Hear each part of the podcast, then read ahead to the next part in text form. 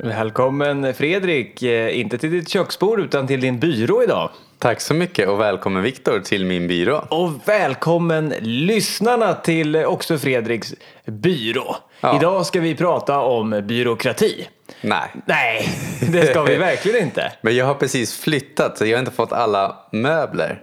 Eh, därför så sitter vi just nu vid min byrå i Gamla stan. Mm, men inte i byrån. Nej, eller... Och det har- sa du inte heller. Nej, men vi kommer prata om att du ska eh, på väg ut ur garderoben. Ja, så skulle man kunna säga. Ja, nu leker vi här. Det kommer inte bli särskilt byråkratiskt. Mm. Det kommer nog förmodligen bli motsatsen till byråkratiskt och strikt. Mm. Det kommer bli avklätt och öppet. Naket kanske? Naket kanske. Mm. Men vi är inte nakna nu. Det är väl tur det. Men när det här programmet är klart så kanske vi, vi känner oss lite nakna i, eh, utifrån vad vi har berättat om oss själva. Mm. Vi får väl se. Och du kanske blir avklädd i dina tankar kring sex. Och då tänker jag du som lyssnare. Mm. Det är alltså ämnet för dagen. Och sex, inte ett program där vi kommer prata om en massa sexställningar och tipsa om vart man köper det bästa glidmedlet. Utan vi snackar ju om, om personlig utveckling, hur vi lär känna oss själva.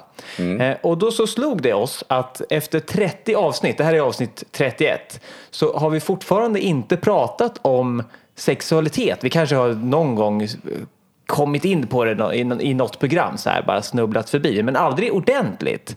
Så då tyckte vi att, eh, nej men nu jäklar. Och du har ju varit på festival också. Ja, jag har varit på någonting som heter Sexibility festival. Och det är en liten lek med orden för det är sensibi- sensibility och sex då. En blandning liksom mellan, vad ska man säga då, eh, vå- våra, våra sinnen och känslighet och sex. Jag tycker att den här festivalen som hö- hölls på ett ställe som heter Ängsbacka utanför Karlstad i, i Värmland. Eh, jag tycker att egentligen så var, är det mer typ som en kärleksfestival som även behandlar ämnet sexualitet och yoga och allt möjligt. Eh, så att programmet idag kommer handla om sex som självutveckling eller kanske som vi leker med i rubriken här, sex som själutveckling. Men om vi kommer in på det här då. Vad, ja, vad går en sån festival ut på egentligen? Om man tänker sexability. Det är en bra fråga och vi gör ju ofta så att du och jag ses ju och har inte planerat våra program särskilt mycket. Nu visste ju du att jag har varit på den här festivalen och att vi tänkte prata om det efteråt. Ja. Men vi har ju inte hunnit snacka av oss. Så att du kan ju använda det här programmet ner till att, att, eh, att fråga ut mig. Och eh, även om det här nu då är liksom offentligt så ska jag verkligen göra allt för att Bjuda på dig själv för kanske? att bjuda på mig själv, helt enkelt. Så vad handlar en sån här festival om då? Eh, jag skulle säga att vi kommer ju inte undan när vi vill lära känna oss själva på djupet att sexualitet är en stor del av oss själva. Så att för att kunna vara sanna mot oss själva och stå upp för oss själva så måste vi lära känna vår sexualitet och kanske också, kanske säger jag, eh, våga stå upp för den och uttrycka den om någon som du då kanske frågar om den. Eh, Så att som personlig utveckling att fundera på vilka blockeringar har jag, vilka, vilken syn har jag på sexualitet? Tycker jag att det är pinsamt? Tycker jag att det väcker ilska hos mig? Eller tycker jag att det är fantastiskt och frigörande? Hur ska man börja där då? Hur menar du då?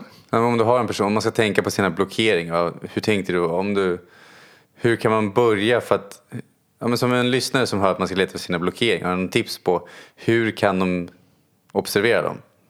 Eh, Ja, men jag kan tänka mig om vi kör ett, eh, ett live, eh, live-exempel här då, om jag kastar ut jag kastar ut dig lite i leken också och så får Ja. du bolla tillbaka det till mig om du vill. Okej. Så, så vad, vad har du för tankar kring hur skulle det vara att gå ut naken på stan här? Nu har du flyttat till Gamla stan i Stockholm. Hur skulle det vara att gå ut här bara utan kläder på gatan?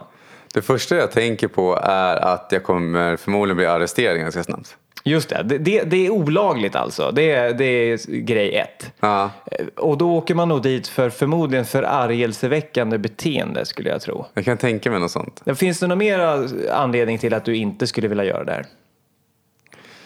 Ehm, Det ena att det är kallt. Ja, inte så kallt idag ändå. Det skulle du nog kunna palla va? Jag skulle nog klara av det. Men jag vet inte, jag har nog inte så jättemycket där att...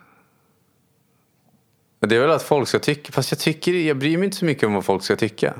Men du tänker att om du går ut då kommer folk tycka en massa saker? Nej, jag, jag tänker inte på det. Men, men du, och även om du kan hantera att de gör det, som experiment då, tror du att de kommer tycka massa saker? Vad kommer folk tänka när de ser dig? Alltså folk kommer ju tänka saker om mig som är en projektion av deras åsikter av att gå naken på stan. Just det. Har de en värdering kring att så gör man inte så är det det de kommer tycka. Ja.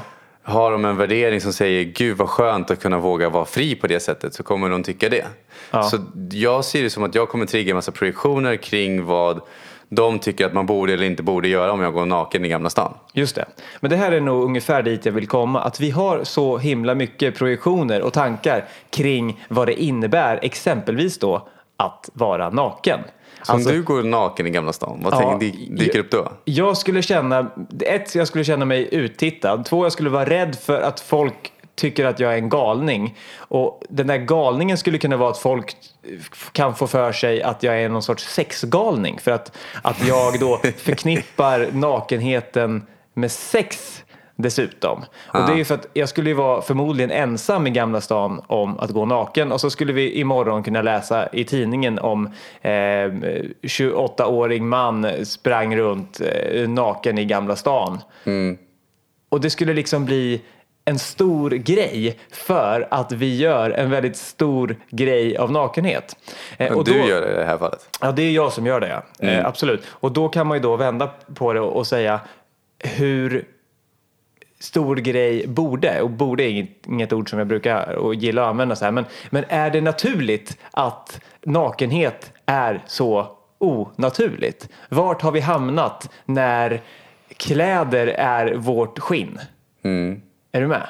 Nej, men. Och, och jag sånt här, här kan man, sånt här kan man få undersöka under en Sexability-festival.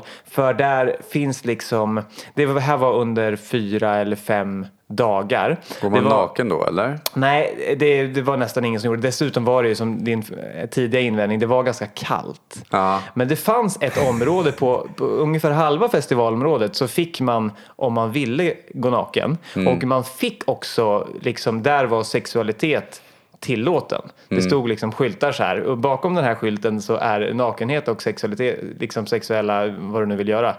Eh, välkommet. Och så stod det på andra sidan skylten, bakom den här sidan av skylten så är det eh, inte välkommet. Ja. Men, men det Var det blev där aldrig, då? Det blev aldrig någon nakenhet och sexualitet där överhuvudtaget för det var alldeles för kallt.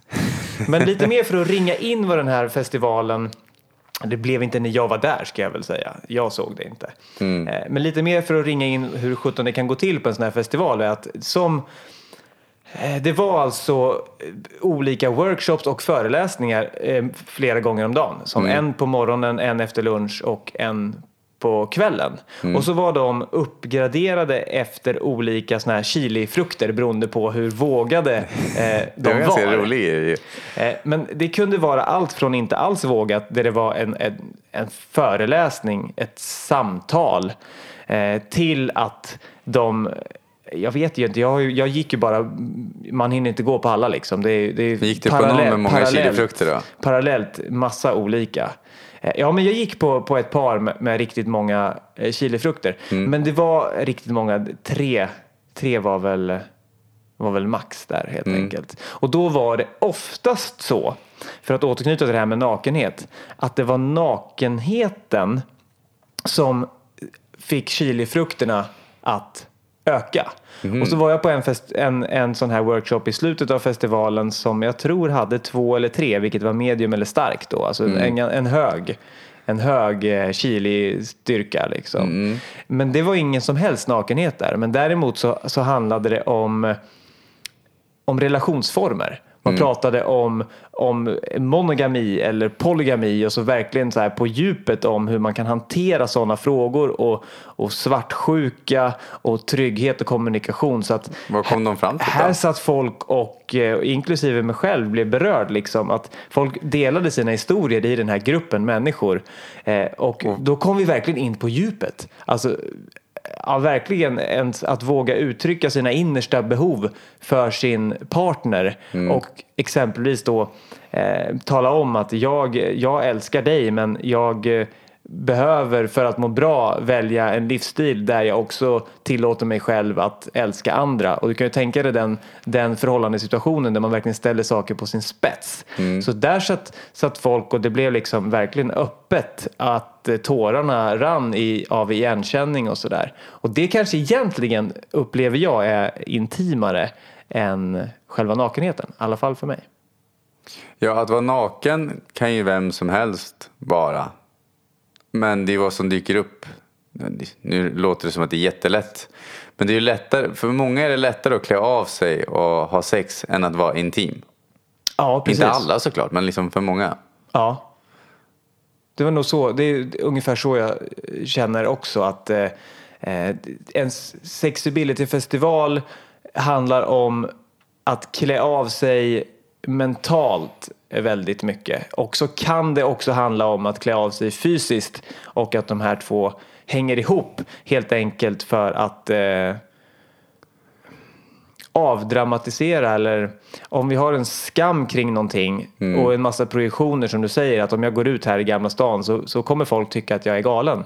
Eh, om jag eh, är, mig själv, om jag visar upp hela mig själv in, in på skinnet. Men under en sån här festival då så finns det inte så mycket dömanden utan där kan du gå ut naken och se vad som händer.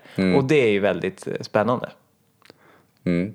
Men hur kopplar du då självutveckling och sex ihop? Mm, det här är intressant. En av de starkaste intrycken som jag tar med mig från, från festivalen, jag ska väl säga att jag har varit nyfiken och öppen själv för att testa och läsa på och utforska min, min egna alla möjliga sidor och även de, de sexuella. Så att det är inte något helt nytt för mig det här, men en fördjupning kan man väl säga. Eh, och Många kanske har hört talas om, det står ju ofta i, i tidningarna och sådär, eh, om tantrasex.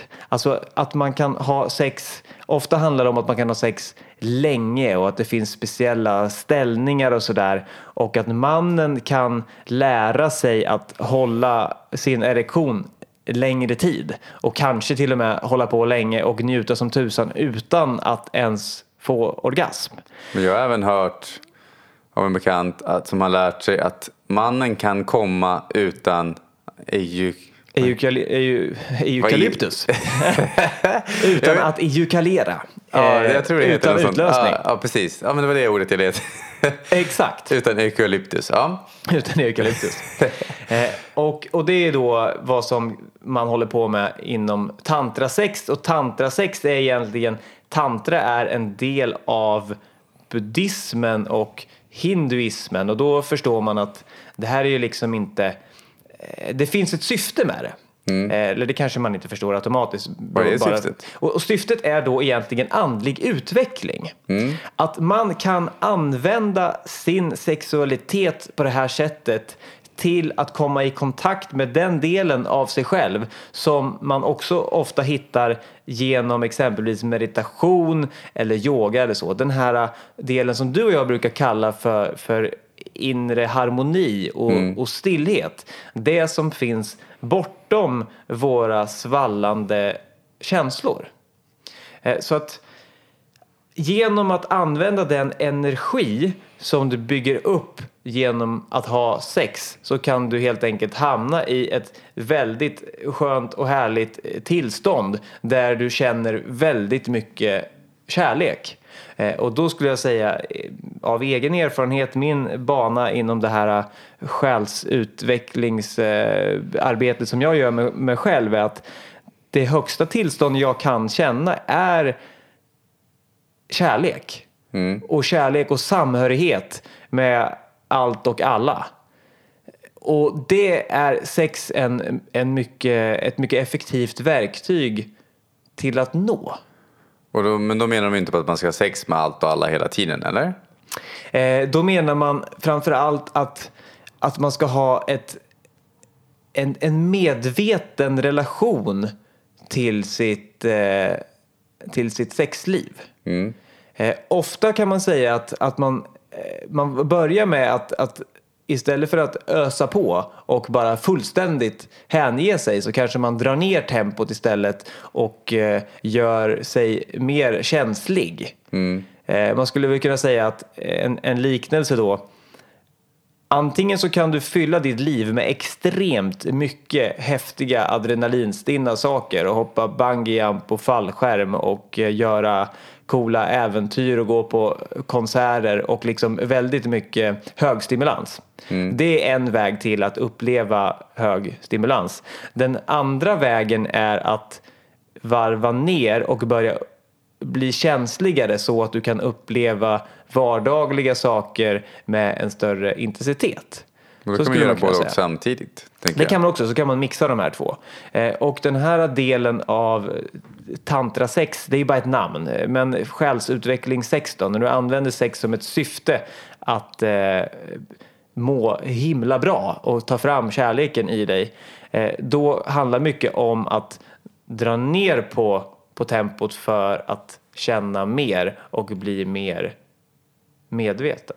Men jag tänker ju på att du har ju medveten närvaro som inom mindfulness. Att mindful eating, att man ska äta långsamt, man ska tugga varje tugga.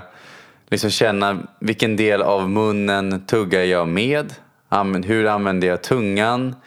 Ehm, och då kan man upptäcka fantastiska saker kring det man äter. Vad är det jag inte tycker om med det jag äter? Vad är det jag tycker om med det jag äter? Ett exempel kan vara att jag käkade en sallad en gång som var extraordinärt god. Och då utför, utövade jag just mindful eating just då. Vilket gjorde att jag upptäckte att det var så här små frön på salladen som gjorde att jag fick en så här en mer matig känsla som gjorde att jag uppskattade den mer. Så bara genom att lägga på lite frön på salladen därefter så tycker jag att de är godare. Men det visste jag inte om innan. Just det. Men tack vare att jag var närvarande och tog sån tid och liksom kände efter vilken del av min mun använder jag, hur känns det, vad är det jag tycker om, vad är det jag inte tycker om. Så upptäckte jag mer av vad jag tyckte om för jag var så närvarande. Ja, den medvetenheten kan ju höja upp egentligen vilken upplevelse som helst. En, en, en annan koppling som jag gör just det här till, till sex då som självutveckling är just det att, att sexualitet ofta är förknippat med, med rädslor. Att det väcker saker som vi kanske inte vill, vill få syn på med oss själva. Eh, och att allt som förknippas med rädslor har också en otroligt frigörande potential om vi eh, vågar möta dem. Så vi pratade om i, i ett annat program. En rädsla som löses upp frigör lika mycket energi som den höll tillbaka innan den löstes upp. Och därför upplever jag en sån här festival som väldigt befriande. För det är liksom en trygg miljö där människor är för att utforska och för att våga hitta en plats inom sig själva där de tillåter saker som vi annars i samhället och hos oss själva trycker undan. Men kan man åka dit som både par och singel eller grupp eller? Ja, man kan åka dit eh, hur som helst. Eh, och många av övningarna handlar om, eh, om beröring och inte särskilt mycket om, om nakenhet och sex, även om det finns också. Och det tyckte jag var väldigt fint, hur många människor som jag och de andra kom i kontakt med. Och vi lärde oss att Men då, man rör andra främlingar då eller? Ja, det kunde vara en, eh, en enkel övning som vi gjorde första, första dagen på den här välkomstceremonin. Det var att vi skulle gå runt och eh, helt enkelt eh, krama den som vi mötte. Men att vi skulle lära oss inför en sån här festival och det är ju inför livet i stort. Det, har så mycket, det, det sträcker sig så långt utanför sexualiteten. Eh, att lära oss att, att säga ja när vi vill säga ja och säga nej när vi vill säga nej. Och att ta emot ett ja och att ta emot ett nej. Och då gjorde jag den här enkla övningen att man skulle gå runt där i rummet och så krama den som man fick ögonkontakt med. Men alla skulle eh, säga nej. Så att även om du och jag hade mötts i det där rummet och vi kände så här, ja men det är klart att vi kan krama varandra. Då skulle jag säga nej när du försökte krama mig. Och det var väldigt intressant att märka den reaktionen som att ta ett nej på det sättet. Och att även då omvänt säga nej. Och så var det andra övningar som gick ut på att, att man kunde fråga på, på får jag, eh, på vilket sätt får jag ta på dig? På vilket sätt skulle du vilja att jag tar på dig? Och om du och jag sitter här, du och jag har inte någon sexuell relation och därför så skulle jag inte vilja att du tog på mig på ett sexuellt sätt. Men om du skulle massera mina axlar så skulle det kunna vara jättetrevligt. Och då hamnar vi ofta i sådana situationer i livet, kanske särskilt om vi, om vi dejtar mycket och sådär, att, att okej, vad känns okej just nu? På vilken nivå är vi just nu? Det skulle vara fantastiskt eh, mysigt att bara sitta i soffan och hålla om varandra. Men jag kanske inte är redo att ha sex med den personen. Och att vi då faktiskt kan kommunicera det här. Eh, och hitta en nivå som känns bra. Sen så får vi se vad den leder till. Men att man frågar varandra. Får, jag, eh, får jag massera dina, dina axlar? Och då kan du säga det. Ja, det får du. Och sen frågar jag, får jag massera dina ben? Eh, Ja, det får du. Får jag eh, tillåta mig själv att bli upphetsad av att göra det? Då kanske du säger nej, det vill jag inte. Men det... Jag tänker att om man gör det på vissa grejer så kan det ju avtända någon också. Precis, det där var ett samtal som, som jag hade där med några, några Alltså det blir som. Jeopardy liksom. Men, men min, min erfarenhet nu efter att ha provat det här i många olika övningar är att fördelarna är så många mer. Och det skapar verkligen en, en trygghet och också en cool grej att att, att våga ta emot. Att om du frågar om du får massera mig på axlarna så gör du det för att du vill göra det. Och att du då masserar mig för egentligen din njutnings skull.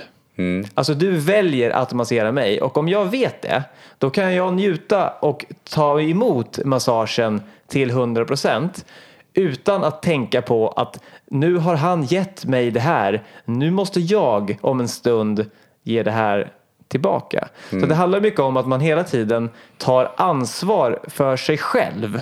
Vad man vill och vad man inte vill. Och det samspelet när två människor fokuserar på att göra klart för sig själva först vad de vill innan de gör någonting eller låter sig eh, bli så att säga utsatta för någonting. Det skapar en, en dynamik som är, skapar väldig förutsättning för just den här närvaron som vi pratar om. Det blir liksom mindfulness att göra en sak i taget. Ge eller ta emot och så kan man växla. Och det här kan du göra då sexuellt eller icke-sexuellt. Men det blir ett väldigt medvetet eh, dynamiskt samspel om du använder det här i en sexuell relation. Men rekommenderar du att man ska göra det varje gång eller att man har då och då så här närvaroövningar för att lära känna varandra? Ja, det beror förstås väldigt mycket på, på situationen. Och, så att det inte blir frågesport i en Nej, snabbis. liksom. exakt. Och lever du med en partner så, så man kan ju ha också en, en eh, känna varandra så bra så man vet att den ena säger stopp eller att man blir bättre på att, att Man komma med sina önskemål. Jag skulle så. säga att de här övningarna är övningar men om du gör de övningarna så, så kommer det bli naturligt att, att eh, sätta sina egna gränser, våga be om det som man önskar och så vidare. Men jag jämför det lite med som att ja, men jag går till gymmet och tränar och det gör att jag orkar mer i vardagen. Men jag, till exempel om jag gör någonting i vardagen så behöver inte jag tänka på det då. Eh, Alltså att jag har ju styrkan från träningen som hjälper mig i det vardagliga så jag slipper tänka på det då. Just det, du gör det till, till en, en vana och en programmering som du sen har hjälp av även när du går från gymmet och lyfter eh, din säng här som du håller på att montera. Ja, precis. Så är du duktigare på det för att du har varit på gymmet. Ja. Ja, och precis så skulle jag säga att de här, den här typen av övningar också då eh, får effekt inte bara i, i, sexlivet utan kanske när chefen frågar om du vill jobba över och så bara har du blivit bra på att känna efter vad vill jag egentligen? Nej, jag vill inte jobba över och då säger jag det. Men om vi tar en person som är lyssnare som är singel då. vi kan ta par också. Vad skulle du rekommendera de som singel att börja med? Eh, att gå på, på någon sån här introduktionskurs eller bara gå till biblioteket och låna en, en bok, tantrasex eller taoismen, det är en sån gammal ja. asiatisk visdomstradition. Alltså de här, det är det som är så häftigt att det här kommer då tantra från, från buddhismen som jag egentligen också tror kommer från taoismen att det var där källan är. Mm. Eh, så det här är ju gam, tusenårig kunskap som har funnits och förts vidare och som fortfarande finns och är populär och för att eh, som andlig egentligen utveckling. För att komma i kontakt, om man nu ska säga det så, med sitt, sitt högre jag, med eh, själen Mm. Med kärleken som är vår essens med reservation för att en del tycker att det låter flummigt men det är det som som vi på den här resan förr eller senare kommer fram till. Vilket eh, sätt vi nu än kommer fram till det eh, genom. För mig mm. har det varit framförallt meditation och yoga och sen har det gett i sin tur att, att även sex energin har höjts på samma sätt. Mm. Och vi pratar ju om ibland att, att ytterst sett så är allting energi. Vilket betyder att den sexuella energin, om vi nu säger så, den, den energin som du känner via sex, det är egentligen ingen skillnad från den energin som du har när du går till gymmet eller när du och jag sitter och pratar här. För att allting är samma energi och vi skulle kunna använda ordet livs energi. Mm. Och det är det som är så häftigt att genom att ha sex där du laddar upp ditt batteri och utan att släppa ut det då, utan att, för det är det som utlösningen det släpper ut en del av det du har laddat upp. Mm. Och återigen vill jag tydligt säga att här finns inte rätt och fel. Vi kan bara ha det som en, en, en tumregel att, att om du laddar upp ett batteri och sen, sen släpper ut kraften så kommer du ha lite mindre kraft kvar än om du hade behållit den och det är det här man kan öva på då genom att som man hålla tillbaka utlösningen och det får man öva på under lång tid och jag är ingen expert på något sätt vill säga reservationer för att det finns många människor som är mycket bättre på det här än, än vad jag är. Har du exempel på vad de kan lyssna då? Då eh, det finns en, en författare som heter David Daida tror jag. Ja. Och honom har du också rekommenderat någon bok av vet jag. Han är, han är bra. Är det här Mannens Tauen och sånt? Precis. Det finns en svensk författare, en kvinna som inte jag kommer på namnet på just, jo, Irene någonting heter hon. Hon har i alla fall en bok som heter Mannens Tau, mm. Tau T-A-O och Kvinnans Tau. Mm. Enkla böcker på svenska, superbra eh, introduktioner i det här ämnet. Så min poäng är att allt är energi och den energi som vi alla lever av och som vi behöver för att ja, göra allting. Diska, prata med folk, orka läsa böcker, orka gå till jobbet. Den kan laddas upp genom sex exempelvis. Mm. Sex är ett häftigt sätt att ladda upp batteriet och det går att göra på massa andra sätt också men om man tycker att sex är kul och spännande så är det ett fantastiskt eh, verktyg att, eh, att leka med i, i ordets eh, rätta bemärkelse. Ja, men jag tänker så här, om, om man är ett par så kan man utforska tillsammans. Var skulle du rekommendera någon som inte är i en relation att börja? Det går, alltså du har ju böckerna ja, där. Om... Ja, men det, grejen är att det går alldeles utmärkt att, eh, att börja själv. Mm. Det här, man lär sig att sexuella energin då, allt är energi, men om vi säger den energi som du väcker och känner när, när du har sex, den börjar ju ner i bäckenet. Mm. Eh, och så lär man sig att, att känna den energin och istället för att skjuta ut den då, mm. eh, bokstavligt talat det också, som man och få orgasm, så försöker du trycka upp den energin. Alltså man lär sig genom att tänka egentligen, mm. bara fokusera på olika kroppsdelar, oftast längs ryggraden och förflytta energin, fokuset, mm. punkt för punkt uppåt ända upp till huvudet och då har du spridit ut den här energin. Så att man tar energin som byggs upp i bäckenet och sprider ut den i kroppen och integrerar den och så blir man så här aspigg. Mm. Jag har ju provat det här, det är jättehäftigt. Alltså, man blir verkligen eh, Ja, det, dels känner man sig jävligt hälsosam och full av kraft. Men sen också folk som håller på med det här, vi, vi vet lite att går man ut på stan efter att ha, ha byggt upp den där energin, det, det är som att skina. Det, det, du ökar antalet blickar på stan eh, drastiskt. Mm. Så det, det, är verkligen, människor får bättre utstrålning. Mm. En del säger ju så här att eh, after sex glow, liksom. alltså att du skiner, att du kan se om två som går på stan precis har haft sex med varandra för att de, de skiner. Och, och det, det, är ju, det är vad man gör liksom. Ja, men där har jag hört också att människor som är... Alltså det, vissa människor kanske har varit singlar och det, då har de haft svårt att få typ någon attraktion alls. Men när de är i en relation då kommer det mer utav det. Och jag tror att det kan bero till en viss del på att man utstrålar den här tryggheten som är attraktiv. Som man egentligen behöver, kan jobba på att hitta hos sig själv innan man är i relationen också. För då kommer man ju utstråla det om, man, om det är så att man söker en partner som gör att man fortfarande får den här tryggheten och utstrålar den här ja, energin som lockar människor att vilja vara i en relation med en. Jag vill säga lite mer om det här då, just att Eh, med utlösningen, att hålla tillbaka den. Och det är verkligen inget tvång. Men eh, en man kan ha som tumregel är att nästa gång som du som man får utlösning. Så, Är det kvinnan också? Ja, jag ska komma in på det också. Eh, För det här blev hittills i alla fall väldigt manligt perspektiv. Vi är två män som, som sitter här också. Och jag kan ju mer om den biten eftersom jag har egen upplevelse där. Men vi ska även nämna lite så gott det går om det andra och sen framförallt hänvisa till, jag till, tänker till böckerna. par då. också, hur de kan börja. Ja, eh, men just det här då att nästa gång som du får utlösning så tänk på hur det känns en stund efteråt. Eh, Jag vet att jag tidigare i livet absolut kände igen mig när någon sa att ja, men efter utlösning då är det så här, man är aldrig så oinspirerad som efter utlösning. Alltså, och, och kanske den här klassiska om jag har, har dejtat någon som jag inte hunnit skapa ett starkt band med och så är allting skitkul och sexet är jättespännande och sen då? Sen var det slut och då kanske jag till och med önskade att, att jag kunde sova hemma eller att då, då liksom dör inspirationen och att jag kan inte namnet på det här ämnet men det frigörs ett visst eh, ämne hos både män och kvinnor efter utlösning.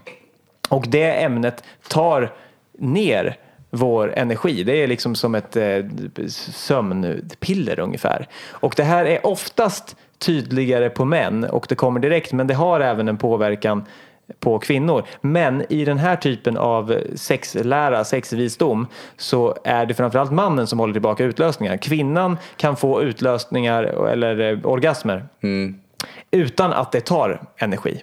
Och, Orättvist. Men vi kan ju lära och oss om... många kan man få också. Det är det Ja. som är det häftigt. Men där kan ju mannen lära sig komma utan att få utlösning. Ja, det går också. Och helkroppsorgasmer pratar man ibland om och, och då tycker jag fortfarande att det är ingen som förklarar vad det är. Min, min bild av vad det är är just att du kan flytta energin från bara bäckenet och könsorganet till hela kroppen. Vilket ger en känslighet i, i hela kroppen. Vilket gör att det typ är asskönt överallt. Och det är min låter coolt. definition på vad det är. Eh, m- Men eh, det finns säkert andra definitioner också då. Men då för kvinnor så, så kan man säga eh, att klitorisorgasmen, den är en sån orgasm som du kan bli trött efter. Medan den djupare orgasmen där du kommer in och kommer åt G-punkt och livmoder och så här djupa grejer. eh, Där får du energi istället och kan ha många. Så att man skulle kunna säga att man vill flytta fokuset från, från utsidan till insidan. Men det är där många upplever när de kommer åt de här känsliga punkterna att det känns som kissnödighet ibland. Just det. Ja. Och då är man förmodligen på G-punkten va? Ja, jag tror det. Men det kan ju vara så att man faktiskt är kissnödig också. Det får man ju känna efter själv liksom. Vet du en annan grej som jag hörde på en föreläsning, en kille som heter Johan Ekenberg. Ja, han säger sex är motorvägen till Gud va? Precis, han var där. Det var en av de föreläsningarna som jag verkligen fastnade mest för. Han berättade att man kan ju få världens utlösningar som, som kvinnor, kallas ju för squirting. Alltså att det, Fontänorgasm, Fontänorgasm kallas det Ja. på svenska. Han sa att, att det har man kommit fram till att det är egentligen en, en naturlig funktion som egentligen inte har med sex att göra utan som är när kvinnan föder barn så kommer eh, barnets huvud att trycka på den här eh, punkten som sitter Ja, där, där G-punkten sitter en bit in liksom uppåt mot, eh, mot magen eller vad man nu ska säga. Ja, men det där får ni, ja, jag kan inte beskriva det bättre. Och om, om barnets huvud trycker emot där, då utlöses den här, den här vätskan som inte är samma sak som som kiss. Ja. För att, för att ge en skjuts och helt enkelt blöta ner systemet så att barnet lättare glider ut. Ja. Och det är det här då som vi kan simulera i sex och få till fontänorgasmer. Coolt, då lärde jag mig någonting nytt. Visste jag faktiskt inte. Nej, det var, helt, det var helt nytt för mig också, men ändå väldigt logiskt när man, Mm. när man hör det. Om- Ja, men... Han menar ju på att ja, om vi har så mycket blockeringar kring sexualitet och kring annat och att de ofta sätter sig i bäckenet. Så att han säger att om, om vi vore helt fungerande och, och vore, eh, hade tagit itu med alla de här blockeringarna då skulle vi kunna föda barn hemma. Eh, och det skulle inte vara så svårt alls. Eh, Och att vi skulle kunna ha ett fantastiskt sexliv också. För exempelvis då om man kommer åt eh, livmodern så kan det göra ont, livmoderhalstappen. Eh, Så kan det göra ont, men egentligen så är det för att vi har blockeringar och är känsliga där och vi kan så att säga eh, steg för steg sakta närma oss och eh, bli fria från den smärtan och då kan det ligga stor njutning i det Jag, ju- istället. jag, inte, jag vet inte så mycket, jag har bara sett det på Facebook eller nätet tror jag var. Det finns ju något annat företag som heter så här, Viva Vagina. Mm. Som är till för att det är någon kvinna som jobbar med Ingrid, ja, jag vet inte vad hon heter, jag är inte så insatt i det där. Eh, Det var en kvinna som hette det här på workshop.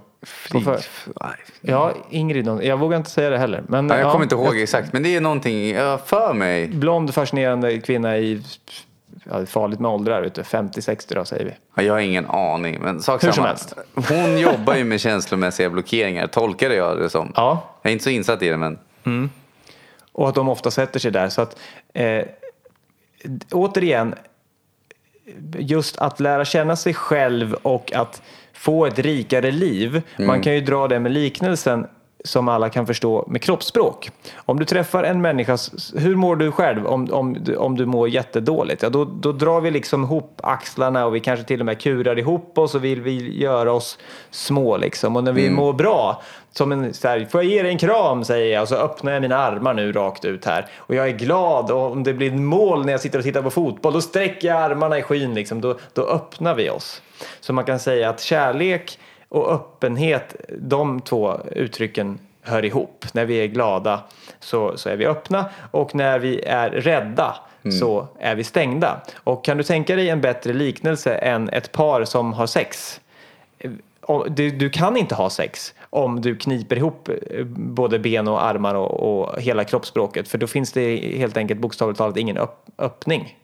Eh, och en, ett, någon som är helt avslappnad när den har sex den tenderar att sträcka ut ben och armar och liksom så här, här, kom, välkommen. Och det är liksom det fysiska uttrycket för att vi verkligen tycker om att ha sex. Men det kan när vi fungerar, vill säga. Vart kan ett, som par då, vart kan de börja med det här? Ja, Men det, då kan man ju börja själva och man kan ju söka på tantra sex på Youtube hur mycket som helst. Och på nätet. Det finns ju så mycket på nätet så förutom böcker. Men det jag skulle säga förut var att som par, eller förlåt, som singel, vare sig man är, är, är man eller kvinna. Munkar har ju använt, det kan man ju tänka sig, munkar och sex och nunnor och sex. Nej men det, det finns liksom inte, det, det håller man sig borta från. Men det är inte riktigt sant för att eh, den här sexuella energin då, som vi säger är samma sak som all annan energi. Den kan du träna upp helt utan att ens ta på ditt könsorgan. Liksom. Så att munkar lär sig också den här att trycka ihop bäckenet och liksom lyfta upp sin energi och komma i kontakt med den. Det håller munkar på med också. Så att utan att, att någonsin ha sex med någon, för det går ju emot deras, deras munkregler, så kan man arbeta med de här energierna och de har ju helt enkelt målet att nå, nå upplysning som, som Buddha. Eh, Så att eh, det är ju verkligen, eh, ja, det är ju häftigt kraftfullt den här energin som vi kan få kontakt med. Jag var på en workshop, typiskt bra exempel på att det inte alls var sexuellt. Vi skulle börja med att springa, jogga på stället liksom och så satte han på någon sån här skön djungelmusik med trummor och så skulle man tänka hur man sprang genom djungeln i någon sån här vattendrag liksom och man blir ju ganska Jag får en ganska galen bild framför mig. Alltså. alla fullt påklädda också. Ja. Eh, man, man skulle springa då och efter ett tag blir man ganska trött. Ja. Men så säger han fortsätt, fortsätt, fortsätt. Och så höll vi på sådär en, en bra stund. Till slut kom man liksom in i en andra andra andning. För då hade man väckt de här, den här inre energin som vi alla har. Och som börjar ner i bäckenet och följer ryggraden uppåt. Och det är den här som, som man håller på med i, i yogan så vill man väcka det, kallas ibland för kundalini-energin. Och man kan tycka att vad sjutton är det för trams? Någon inre energi som jag aldrig hört talas om. Så kanske du tycker fram till du känner den. För den finns där. Jag lovar och garanterar. Och när vi kommer i kontakt med den inre energin, den tar inte slut. Den tar inte slut när dina makaroner, kolhydraterna i ditt mage tar slut. Den här energin går bortom det. Och när vi kan komma i kontakt med den källan, då blir livet sjukt häftigt. Ja, men jag tänker på människor som är förälskade upp över öronen. Som ett exempel på att energi, vi har alla energi. Frågan är hur mycket vi tillåter oss att släppa den fri. Har man en person som är väldigt trött om dagarna, det, självklart det kan ju ha med kosten att göra också. Men har du en person som är förälskad som ett exempel, de behöver ju knappt äta eller sova under förä- alltså den här intensivaste förälskelseperioden.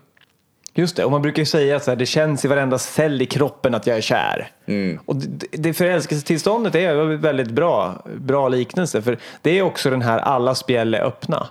Fullständigt påslag i liksom alla, alla glädjefunktioner som, som finns. Och det är det som vi då kan ta kontakt med inom oss själva utan att vi eh, har en, en partner att förälska oss i. För att all den här energin finns då tillgänglig. Och det, det skulle man kunna säga då, om man träffar en partner så från en dag till en annan kan man ju bli våldsamt förälskad. Och då kan man fråga varifrån kom den, den energin? Varifrån kom den energin? Och då är svaret inifrån. Den kom ifrån, inifrån dig och den väcktes kanske av den här partnern som fortfarande tar fram den. Så man kan säga ett, att ja, energin kommer från partnern. Nej, det gör den inte. Den, den kommer från dig men den är väckt av partnern. Så att om, om det känns som att du tänker så här, nej men den där energin har jag aldrig känt, det låter jätteflummigt. Då säger jag, men någonstans kommer energin ifrån när du blir kär också. Eh, Och det är samma plats. Ja. En bok jag kan förresten rekommendera för par är ju Lou Paget. L-O-U-P-A-G-E-T. Lou Paget. Jag Ja. tror inte hon har svenska böckerna kvar längre. Men de, hon har skrivit två böcker som jag känner till som är Konsten att älska med en man och Konsten att älska med en kvinna. Och de två kan jag rekommendera. Både att man läser, är du man, läs båda två. Just det. Och är du kvinna, läs båda två. För hon går igenom både, alltså du vet, hur man kan eh, ha en bättre, det, förberedelse, vad heter det för, för Förspel. Förspel ja. Så går hon igenom så här enkla knep på hur man kan skriva en lapp eller liksom hur man kan bjuda in partnern och bara diska i förväg. Alltså så här, hon går igenom så här hur man kan ta sådana enkla saker för att bygga upp en spänning som ett förspel. Genom att också man öppnar upp och hittar olika sätt att uttrycka för sin partner vad man tycker om med dem. Precis. Som vi var inne mycket på i början där, just det här att våga uttrycka vad vi önskar oss och vad vi behöver för att känna oss trygga. För känner vi oss inte trygga, då kan vi inte ha den här naturliga öppenheten och det är öppenheten som öppnar upp för den egna energin. Och hon går igenom både förspel och eh, allt från sexleksaker till gud vet vad. Ehm, och olika punkter, olika sätt, olika erogena zoner som vi har som är extra känsliga. Ett exempel kan vara att många är känsliga en erogen zon, det vill säga en, jag vet- inte vad man ska kalla det, men en sexuellt stimulerande zon. Ja, en känslig zon. En känslig zon, det, det behöver inte vara sexuellt, men en, en känslig zon Ja. är knävecken. Finns, nu bara kommer jag att tänka på, finns en zon på insidan av det gäller i alla fall män. Av mannens lår som man kan ha mycket hår på. Men den är hårlös, en liten, liten zon på insidan av låren. Eh, och den, den är också väldigt känslig. Mm. Ja, men, men just den här biten, jag är ju absolut och vill inte påstå det att jag är någon, någon sorts eh, sexualexpert när det kommer till de här praktiska sakerna och exakt vad som heter vad och vart det är och hur många nervtrådar som går dit. Eh, men, men just det här att, att ha sex som personlig utveckling. Det tycker jag är väldigt intressant. Eh, för mig skulle jag nog inte ha definierat det som att jag har sex som personlig utvecklingsväg men jag har haft kärlek som personlig utvecklingsväg helt klart. Mm. Relationer har lärt mig så otroligt mycket om mig själv genom att studera hur jag fungerar och när det trycks på ömma knappar och sådär i mig. Och sexet är väl en vidare, en, en förlängning på det kanske. Men jag brukar jämföra med att du har, om du har ett bord med fyra ben, kapar du ett av dem så blir det ostabilt. Mm. Mm. Och likadant, det brukar vi prata om i de flesta av våra poddar att vare sig vi har varit inne på tankens kraft eller kosten eller relationer eller i det här fallet sex så mång, alltså ibland får man ju höra människor säga så här, ah, jag väljer hellre kärlek än pengar. Mm. Men då är jag med så här, ja fast vi behöver ju för att känna en bra grund eller man behöver, inte, man behöver ju inte pengar eller något av det här för att känna en bra grund så länge du har en inre grund. Men det är inte så kul om du har en partner men du har inte råd att betala hyran. Mm. Och lika väl så kanske det inte är så kul för en människa som har världens bästa ekonomi men de känner sig helt ensamma. Annars kan det också vara en människa som kanske har världens bästa hälsa men de har dåliga relationer eller de har inte några pengar. Alltså att vara utan det ena eller andra det är som att vi människor många gånger tänker så att ja, men det är väl självklart att man inte behöver det. Men ändå är det väldigt många som går och intalar sig att de kan inte ha det ena om de har det andra. Mm att de måste välja mellan ett bra jobb, en bra karriär och kärlek. Att, men det går faktiskt att ha alla bitarna. Just det, det finns ju ett sånt där gammalt ordspråk som jag tänker på då. Tur i kärlek, otur i spel va? Mm. Eller om man vänder på det. Eh, och varför inte ha tur i, i båda? Eller, ja. Ja, det, Skapa sig sin tur. Exakt, liksom. det glada i livet är ju att vi inte behöver förlita oss till, till tur. Mm. Utan vi kan ju faktiskt skapa framgång på på alla de planen.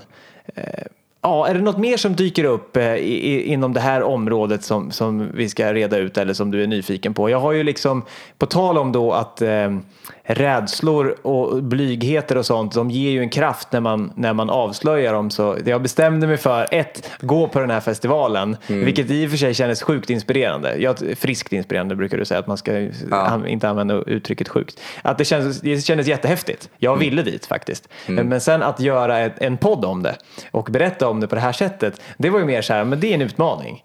Mm. Eh, men jag vill ta den för att om vi ska kunna få ett, ett samhälle som är lite mer öppet och där sånt som är naturligt inte behöver framstå som onaturligt.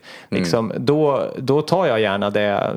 Då, det är som, eh, det är väl, eh, det var Gandhi som sa det. Eh, my life is my message. Mitt liv är mitt budskap. Mm. Eh, och då tänker inte jag hymla med att det är asfrigörande och häftigt och, och jättekul att utforska de här sakerna och jag står för det. Det tycker jag låter fantastiskt. Jag kommer ihåg när du tog upp det också. Ja. Bara att vi skulle ta upp det ämnet. Min första reaktion var så här, ja, ja fast sen varför inte liksom. Mm. Men eh, jag kan inte komma på någon fråga just nu. Jag gör det säkert senare. Ja. Men då får vi väl köra till avsnitt annars. Och har ni lyssnare frågor? Skicka, mejla gärna info at lyckopodden.se. Ja, det går bra. Och vill man läsa mer, nu har ju den här festivalen varit, den kommer ju igen nästa år då. Men om man vill för lite mer. om någon vill läsa? Ja, men då kan man gå in på det måste ju vara www.angsbacka.se eller så googlar du bara Ängsbacka och den här festivalen heter Sexibility festivalen. Mm. Häftigt! Jag skulle inte åka dit om jag var helt livrädd för sex. Det tror jag inte. Då skulle jag ta det väldigt försiktigt. Men kanske man kan börja med en bok? Ja, det kan man nog göra då. Men sen så kan man åka dit och ta det i den takt man vill. Eller så åker man dit och bara är där och sitter i kaféet och dricker kaffe och akklimatiserar sig. Det kan man också göra. Ja. Men jag får egentligen börja tacka för dagens avsnitt. Ja. Du kan följa mig på Snapchat på Ankarsköld utan öprickarna då. Och vi, Lyckopodden finns ju även på YouTube, på Facebook. Gilla oss gärna där. Nu även på YouPorn. Nej, förlåt, YouTube. Vad är det för sida? Nej, nu, nu, nej, säger han oskyldigt där. Nej, det var en ordvits för de som förstod. Och ja. för de som inte gjorde det så, så släpper vi det. ja, herregud. Ja, men du för Lyckopodden på YouTube i alla fall. Ja, det blir nog bäst då. ja. Ha det så gott. Ha det gott. Hej då, hej då. Hej då. Hej då.